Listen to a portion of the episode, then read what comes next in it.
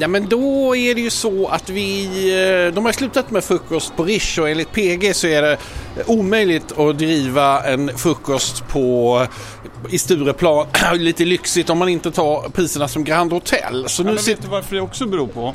Det beror på det här hemarbetet. För att Rish frukostekonomi byggde på att fredagarna var det liksom ankardagen, den bärande dagen. Och numera så jobbar ju folk hemma fredagar och måndagar av någon enligt mig då jävla anledning. Därför har ju heller Brillo ingen lunch på måndagar och eh, följaktligen eh, Rish ingen frukost överhuvudtaget för att fredagen var så viktig. Otroligt sorglig konsekvens av den här idiotiska idén att folk ska vara hemma. Ja, nej men vi är väl, eh, ja vi är ju hemma en del men inte alltid. Ska vi börja med vad som hände igår? Just det, igår var väl början på Art Week och eh, du och jag var på en rad olika vernissager. Jag köpte två tavlor. Oj, två tavlor till och med! Ja, Helvete! Alltså hur mycket pengar har du egentligen? Ja, de var inte så dyra i och för sig men... Eh. Får vi en prislapp? Nej, det får vi inte. Över 10 000? Ja, det kostar de. Ja, du, eh, du nämner prislappen för och du nämner eh, konstnären. Ja, han heter Niklas i förnamn. Jag har glömt bort vad han heter i efternamn. Men det var eh, Niklas, eh, som, du, som vi såg på Sturegatan. Niklas eh, Förfärligt... Köpte du den röda eller den svarta? Eftersom det är min hustru som ställer ja, ut dem också. Absolut, så absolut. Niklas heter han i varje fall. Och... Erik Schülte och han pratade lite på... Ja, på... Bra konstnärssamtal. Eh, men du och jag vi stod i baren och gafflade istället. Jag eh, höll vakt ska jag säga. eh, gud vad elakt du som skrattar så högt. Nu ska vi se om jag hittar den här inbjudningen. Vad heter han? Erik? Ja det här blir banner. Det var inte roligt. I varje fall då så var det, eh, var det eh, Eh, tycker jag härligt igår, sommarkväll. sommarkväll. Och nu kommer teet här också till dig. Perfekt. Är det svart te som du brukar ha? Eller? Alltid svart te, tack så mycket. Tack. Och ska vi säga Viggo också som en konsumentupplysning att vi befinner oss på Grodan på Grev Turegatan och ska man då prata om hur saker och ting fungerar kring Stureplan Grev Turegatan nu, förut var det Nybrogatan som var i flera år ett stort eh, ombyggnadsprojekt och nu är det istället Grev Turegatan och det är ju förfärligt synd för det här är ju en otroligt mysig, härlig sommargata som numera är... Eh, en byggarbetsplats helt enkelt. En, en svår byggarbetsplats. Vad tyckte du? Gjorde du eh, någon eh, bra konstspaning igår? Nej, men jag tycker att det här gänget som eh, lite av dina kompisar, lite som är lite mina kompisar också, Hampus och eh, Ja, men eh, de här människorna som var där. Flera väldigt eh, eh, sköna, nej men sköna, ett skönt gäng sådär. Lite obekymrade, lite framgångsrika. Lite, någon sysslar med affärer, någon sysslar med läkeri och någon är journalist och någon vet man inte vad de håller på med. Ja, men det, jag tycker det var bra, bra häng. Jag bestämde mig när jag fyllde 30 för att jag skulle rensa ut alla människor som jag insåg att jag träffade som jag inte mådde bra av.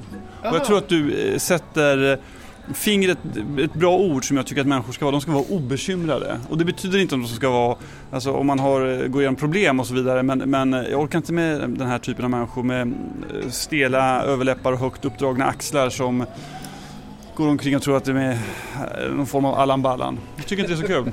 Du blir obekymrad också. Ja, jo, absolut, absolut. Jag tror ju att... Lite för obekymrad. Ja, men alltså, det tror jag lite grann att har man haft eh, riktiga problem i livet och det har jag haft några gånger. Eh, då, eh, då tänker man så här, men vill man gå runt med sådana med en sån ryggsäck hela livet när man inte behöver. Nej, nej, skippa den ryggsäcken.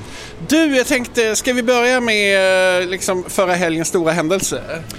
Antar att du tänker på kröningen. Sicken besvikelse den kröningen var måste jag säga. Vi hade eh, laddat på landet, vi hade scones, vi hade inte Pims, det hade jag glömt att köpa men scones, te och satt oss framför TVn och jag tyckte det var en ändlös kröning utan några som helst publicistiska höjdpunkter. Jag tyckte man såg den här korgossekören hela tiden. Jag, jag vill se gäster. Men vad hade du väntat dig? Jag ska säga vad jag hade väntat mig. Jag hade väntat mig att få höra Roger Lundgrens pålästa lugna stämma mycket mer. Kameran svepte över publiken och gick igenom person efter person, livsöde efter livsöde, till tonerna av gärna då den här jättefina eh, sakrakalmusiken. Men jag hade inte väntat mig att bara eh, se de här ändlösa scenerna där det inte hände någonting. Vad tyckte du, vad du, nu pratar vi ju bara om produktionen, inte om eh, monarkins vara eller inte Nej, men vara. jag... Eh, men alltså jag...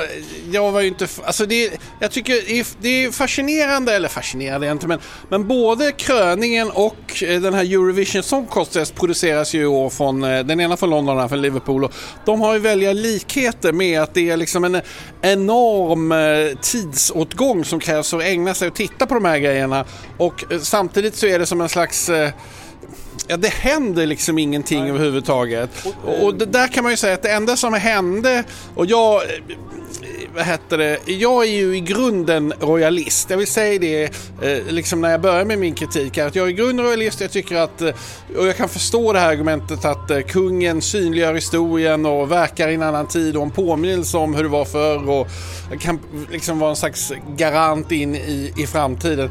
Samtidigt så när man, det, en, det som var det mest eh, magiska momentet eh, efter smörjning då som man inte fick se av kungen så är det ju när de sätter på honom kronan. Och eh, när man, man liksom tänker att det sitter en 73-årig gubbe som får 2,5 kilo på huvudet samtidigt som han håller i två olika pinnar. Och det innebär ju att om, man skulle slä, om det skulle liksom skaka till lite grann så så, så, måste han ju släppa pinnen för att hålla i kronan. Det här tycker jag, nu håller du på med telefonen Nej, igen mitt under podcast. Heter, ja men okej, okay, men ska vi göra en paus då så kan Nej, du kolla göra, upp det. det. Eh, jag tror att... men förstår du det här liksom obekväma? Det, eh, det är ju samma grej med Loreen faktiskt. Eh, Loreen har ju naglar som är flera, nästan en decimeter långa. Och jag såg Loreen på en konsert eh, för ett tag sedan på Wennergren centrum högst upp. Och då tappade hon en av sina naglar. Och sen resten av konserten handlade bara om att hon skulle hitta sin nagel igen. Så att när det är sån här liten detalj som på något sätt då synliggör historien om vi ska vara lite högtravande som liksom hotar att rasa alltihopa. Det är inte bekvämt att titta på något sånt. Man kan säga att den här poddens motsvarighet till eh, Loreens nagel är konstnärens efternamn helt enkelt i mitt fall. Ja, absolut, Jag tror att eh, det som är viktigt för monarkin och den här typen av institutioner, det är samma sak med kyrkan och annat, det är symbolik och ceremonier. Det här är, ska man inte underskatta. Eh, det de har är symbolik, symboliska värden och här tycker jag att de slarvade bort det. Jag tycker du har rätt i allt det du säger om kröningen. Och det beror ju på att den här typen eh, av ceremonier, de är, de är ju gjorda för en ung man eller en ung kvinna. Ja. Inte för en man som är, eller kvinna som är en bit över 70-70. Man såg ju, liksom, som du säger, hur obekvämt det var. Fysiken räcker nästan inte till. Och det här känner jag, det är samma sak man ser Joe Biden röra sig på en flygplanstrappa. Man måste ju kunna säga till någon att du är för gammal för att vara president, men det får man ju tydligen inte säga. För Men man får lov att säga det faktiskt. Jag tycker man måste kunna säga, du verkar inte klara av det här. Eh, jag tror att eh, man, de gjorde ett misstag som eh, inte förnyade ceremonin och de skulle gjort den mycket, mycket maffigare. När eh, kung Charles mamma kröntes, då var det den första tv-sända kröningen och det var revolutionerande. Han missade sin egen revolution här. Det tycker ja. jag var synd. Jag tycker... En AI-ceremoni skulle vi sett. Nej, jag vet inte. Jag tycker ju att man kände ju verkligen när man såg de två där gå runt där stela och obekväma i de här kläderna och i de här huvudbonaderna att man skulle hoppat över den här generationen. Man skulle gjort som familjen Hamilton som vi berättade om för några poddar sedan. Den här, eh, de som han skickade då, ja men i svensk överklass när när greven och baronen och de här når, passerar runt 70 då får barnen eh, träda in som på Vannås, som de här Hamiltonerna, som det är i Belgien. Familjen Bonnier gör också på det sättet att där har man hoppat över, det är så komplicerat när man ska arvsskiftas. Då har man hoppat över en generation och så, så har man tryckt ner pengarna ett steg längre ner. Varför tror du inte man vågade göra så i England? Jag tror inte han ville göra det helt enkelt. Eh, sen tror jag det, det är skillnad på den typen av den, den, den eh, makt du beskriver, den, det kan man ju så att säga styra, den är inte villkorad av någon annan än den närmsta familjen. Det här är ju en makt som är villkorad av staten och folket och vad den vill. Samtidigt tror jag också att eh, när, när, när drottningen dog, då blev hennes son kung per automatik och sen så kommer kröningen efteråt. Det är två olika saker.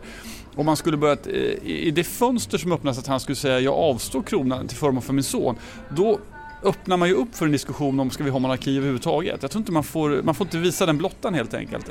Men sen tror jag som sagt jag tror, jag vill vara tydlig med att jag inte känner kung Charles överhuvudtaget. Men jag tror inte han var intresserad av att släppa jag, jag tycker det är så mycket detaljer kring kung Charles också som man tycker är så jag vet inte, sunkiga på något sätt. Ja, men att han har skrivit tusentals brev till olika statsråd och, och ministrar i England. eller i Storbritannien. Det känns jättekonstigt Och, Nej men han fick inte gifta sig med, med Camilla första gången för att hon var inte oskuld. Och istället så skulle då Lady Di komma och vara oskuld. Det känns ju som något eh, sunkigt eh, romskt klanäktenskap. Alltså, det är sådana detaljer som jag tycker monarkin, där jag som royalist, jag, jag sviktar lite när jag hör om detaljerna. Hur tror du de här riktiga kungavännerna, våra poddkollegor eh, Susanna och Johan ser på det? De har ju redovisat opinionsundersökningar och sådana saker. Jag ska säga hur de ser på det. Ja. Helt okritiskt ser de på detta. Men jag vill säga en sak till dig. Jag håller inte med dig om det när du beskriver eh, kung Charles. Eh, huruvida hans eh, äktenskap, det, det, var ju inte villkorat av honom själv utan av hans föräldrar och eh, men, kronan. Det är det jag menar, ett klanäktenskap. Jag håller med om det. Men kung Charles däremot som person tycker jag verkar vara en intellektuell person med egna idéer. Eh, han har tänkt, eh, han har tankar kring arkitektur, kring konst, kring jordbruk och så vidare. Jag är inte säker på att jag håller med om alla det, men det är en person som vågar tänka, vågar pröva, vågar göra någonting med, med sin ceremoniella makt. Sen har han säkert svårt att hålla sig innanför gränserna ibland, men om jag ska vara uppriktig, jag tycker mycket bättre om det, att han, att han så att säga utmanar sin institution, än att han inte gör det. För det jag tycker verkar tråkigast när man ser kunglighet som står som goddag yxskaft och inte säger någonting. Kung Charles har någonting att säga och han är inte rädd för att säga det. Heja dig!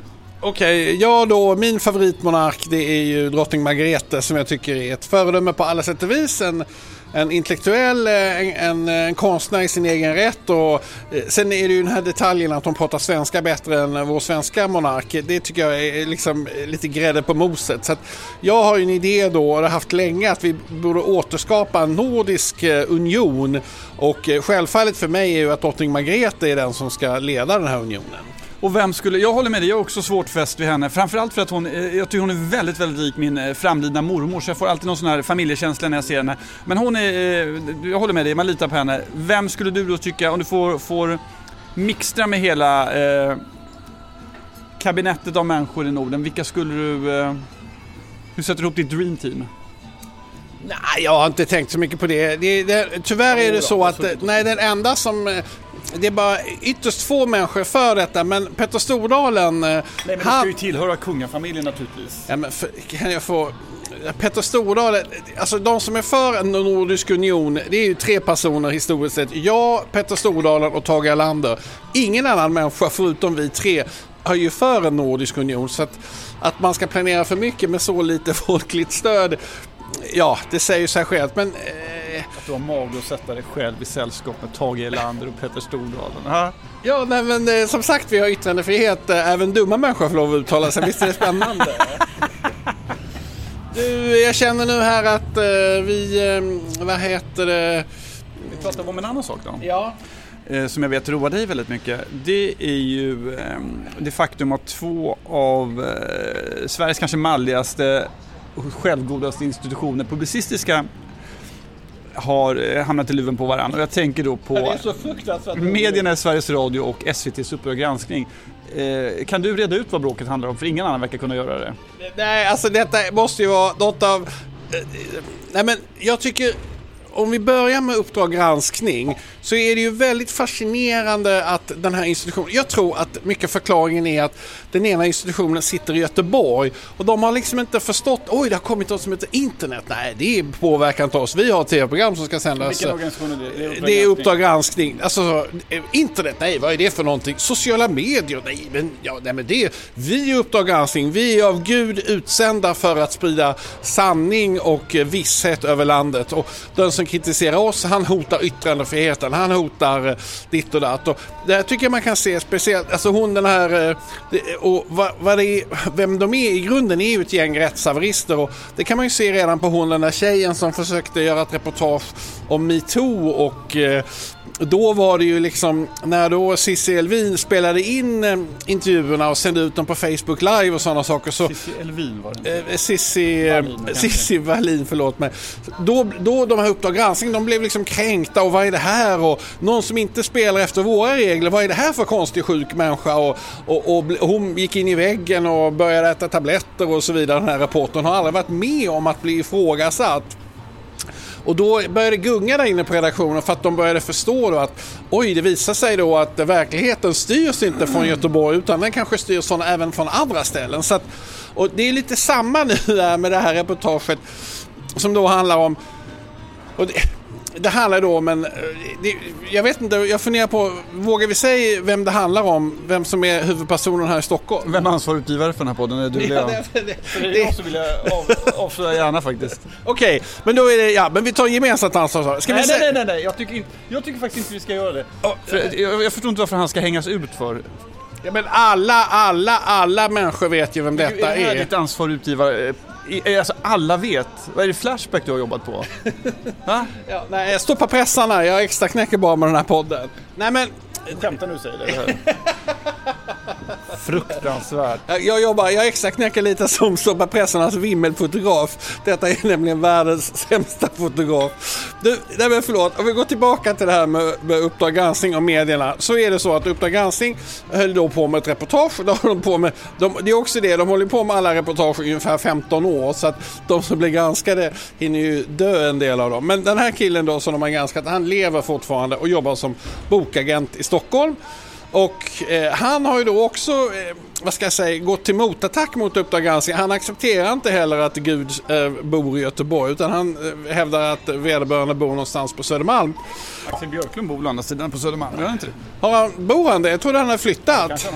Han bodde, jag har faktiskt varit hemma hos honom och ätit glass från hans glassmaskin. Men det var när han var, hade mitt jobb faktiskt, eh, eller mitt gamla jobb på DN på stan.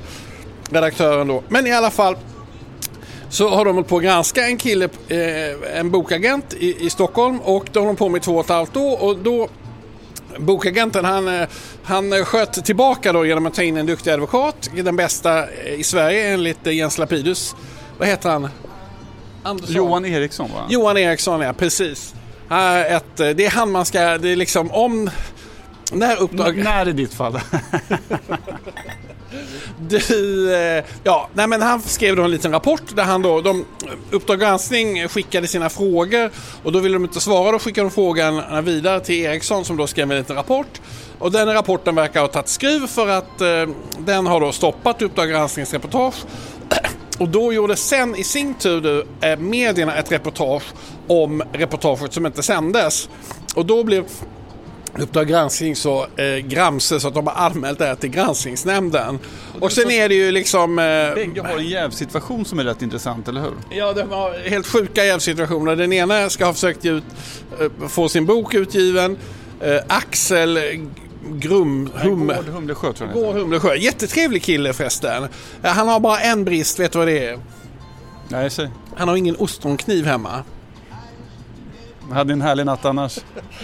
Nej, jag bara, detta är, tyvärr kan jag inte avslöja källorna till den informationen. Jag har aldrig blivit hembjuden där, men jag berättar bara om den här bristen. Jag tycker i varje fall det verkar tydligt att bägge de här eh, eh, redaktionerna verkar rätt stressade. Det är ett högt tonläge i sociala medier och på andra plattformar där de eh, liksom ivrigt skriver om sin situation när de ser på det här. Ehm, det som är tydligt är att det verkar inte finnas någon form, och det är det jag tycker är så sorgligt med den diskussionen, ingen, ingen självkritik. Det här kunde vi gjort annorlunda eller här kan vi backa men här har vi gjort rätt. För det går inte att ha det, den typen av diskussioner. Det är, helt binärt, det är svart eller vitt. Det är som när man diskuterar public service. Om man säger någonting om public service säger alla så här, du är emot demokratin. När man gör en granskning, det är klart att saker och ting kan bli fel eller att man ställde en fråga fel eller hade ett antagande som var fel. Eh, och det här har ju igen, det här är ju intressant för det här har ju, ännu, det här har ju inte publicerats än.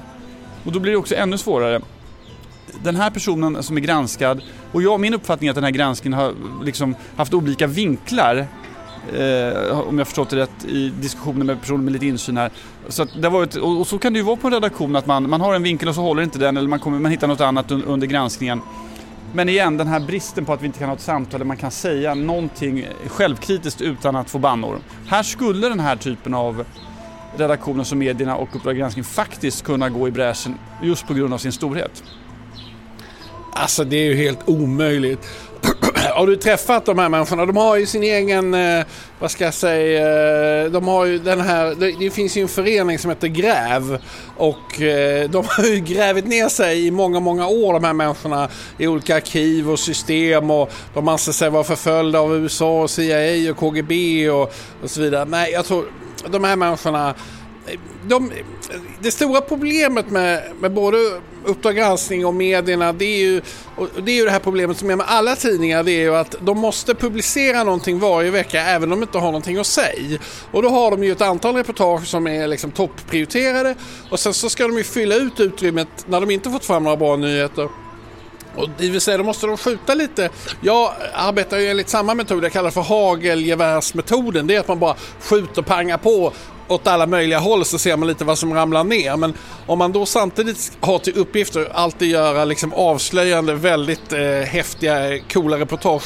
Det är då det blir fel. Ja, jag, jag, kan hålla med om det du säger bitvis, men det gäller ju bara för en av de här redaktion och det är... Som de heter Uppdrag granskning jo, och så, så har de liksom fångat en liten mygga. har ju som vi hade på Resumé, det vill säga vad har hänt senaste veckan? Vi sände det i lördags. Men eh, Uppdrag gransknings eh, granskningar och program, de, de, kan ju vara ett år gamla från att de börjar till att de sänds. Eh, eller längre än så. Men medierna har ju verkligen så. Men där tycker jag för att de lyckas balansera. Men ibland så är det ett, eh, tråkigt, en tråkig sändning och ibland så tråkig i bemärkelsen att ja, det är en liten skitfråga man diskuterar och ibland så är det riktigt stora avslöjanden.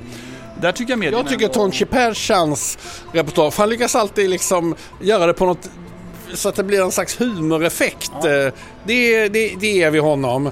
Sen, eh, jag har faktiskt blivit intervjuad av medierna. en gång skulle jag prata om Leif GW Perssons vin. Men eh, då förelåg... Nej, det, det, det, jag blev så dåligt så att de faktiskt inte sände det. Kan du tänka dig hur dåligt det blev då? Ja, du som blir så bra i radio, jag har svårt att tänka mig att det skulle kunna misslyckas överhuvudtaget. Du har både radioröst och radioutseende. Oj vad vi är roliga. Du... Ja, hur ska vi lösa det här med Uppdrag granskning vs medierna då? Ska vi säga, hoppas att Sverigedemokraterna lägger ner alla Nej, de här programmen? vet du vad jag skulle önska? Jag skulle önska att eh, Leif Holmqvist hade en, ett, eh, att tog sig an den här uppgiften och att Resumé publicerade den. Eller att Eh, Han jobbar för Dagens Media numera, ja, men det är samma tidning det är samma egentligen. Tidning. Eh, det är bara uppdelat så att det är Dagens Media som har mediafrågorna frågorna, och eh, Resumé har reklam. Vad ska Honken göra sa du? Nej, men han skulle kunna ta, ta sig an det här och reda ut det. det skulle, ja, men jag tycker det på riktigt. Kan inte, man skulle ha, det skulle inte vara Expressen skulle kunna göra också. Men däremot tänkte jag på det du sa om... Jag måste säga, jag tycker... Jag, de här personerna du berättade om som jobbar i grävarkiven och så vidare, den typen av personer, det håller jag med dig om. Det är rätt eh, svårdiskuterad grupp. Men Axel Björklund däremot, som eh, jag tycker är en, eh, en öppen, eh, resonerande, oerhört sympatisk och klok person. Han borde kunna Ja, men det känns som att han har blivit lite liksom åka på tåget här ner till Göteborg och så umgås med de här människorna i militärbyxor och eh, väst med väldigt många fickor. Han har blivit liksom lite påverkad av dem. Jag tror att han har blivit lite deras gisslan. Men han har också haft en rätt tuff vår. För det var ju tidigare också det här reportaget som Per skrev om... Agersjö. Agerman. Tack, Agerman. Skrev om i Kvartal. Eh, det var också en rätt tuff eh, kritik med viss insyn i hur redaktionen fungerar, eller hur? Sen vet inte jag om det var, var rätt eller fel, men det kan nog inte varit lätt att vara, ett ansvarig utgivare april-maj 2023 för Axel. Nej, nej, nej, nej, nej. Jag har ju själv varit chefredaktör och du också på en mediegranskande tidning när den var lite mediegranskande. Så vi vet ju vilket lidande Axel har ju. Om, man skulle, om du skulle beskriva det under din tid som chefredaktör på Resumé, upplever du att du var, inte att du granskade utan att du var part i ett sånt storbråk någon gång som Axel Björklund är just nu? Jag säger inte att du inte har varit det, men eh, jag försöker själv minnas om jag kan ha varit det. Nej, jag har förträngt om det var det på något... Det tuffaste som hände dig som ansvarig utgivare, det var väl när jag lyckades publicera Jan Guillous adress och portkod på min blogg. Det var väl då det var. Det var väl enda gången Resumé var på löpsedeln under din tid som chefredaktör. Jo, en gång kommer jag också när du och det var på den tiden det var kontroversiellt att säga det när du i morgonsoffan på TV4 inte tyckte att eh, kvinnor med slöja skulle vara busschaufförer eller eh, något annat i eh, Malmö. Nej, men, det, ja, det, det var faktiskt så att jag, jag undrade vem som hade sagt till henne att hon skulle ha slöjan på sig. Om det var för att det var hennes man eller det stod i någon bok som var 1200 år gammal eller så vidare. Men, men man kan väl säga att även där hann tiden ikapp mig. Ja, du, precis. Vad var det vi sa på det som är? Vi får rätt förr eller senare. Ja, precis, precis, precis. Och i, i, några fall var det faktiskt, tog det ganska lång tid. Du, självgodheten brer ut sig här på eh, Nybro, eh, Grev Turegatan, förlåt mig. Eh, jag känner att eh, vi ska avrunda här eh, den eh, nionde podden va. Eh, har vi några avslutningar? Vi kan ta lite reaktioner på podden.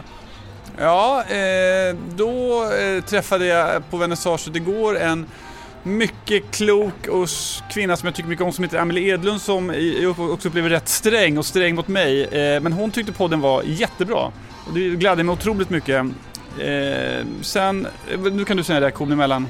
Nej men eh, Hampus Mörner som jag träffade på samma, han verkar också ha lyssnat några gånger. Ebba Adelsson har lyssnat. Eh, Hon, ja, men Ebba Adelsson var väldigt glad att vi hade nämnt hennes namn och då blev jag lite förvånad. Men det visar ju sig att det var du som uttalade detta namn. Så att eh, vi har både... Eh, men... Du kunde ha gjort det också.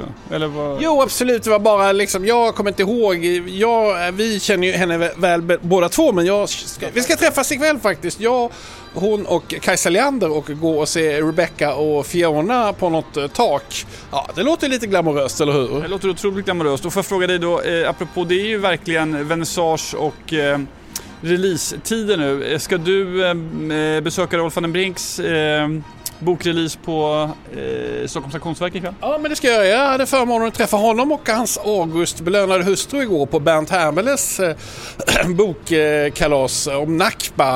Eh, den palestinska förödelsen kan man väl säga, eller utplånat av den palestinska staten. Lite för djupt ämne tror jag lite för den här podcasten, men jag ska läsa boken. Ja, vad kul. Mm. Du, eh, vi ska väl avrunda. Ska vi, ska vi, vi uppmanar folk att prenumerera på podcasten. Och eh, som sagt, podcasten, vår, vår tagline, det är eh, podcast för dig som tycker att Leif Månsson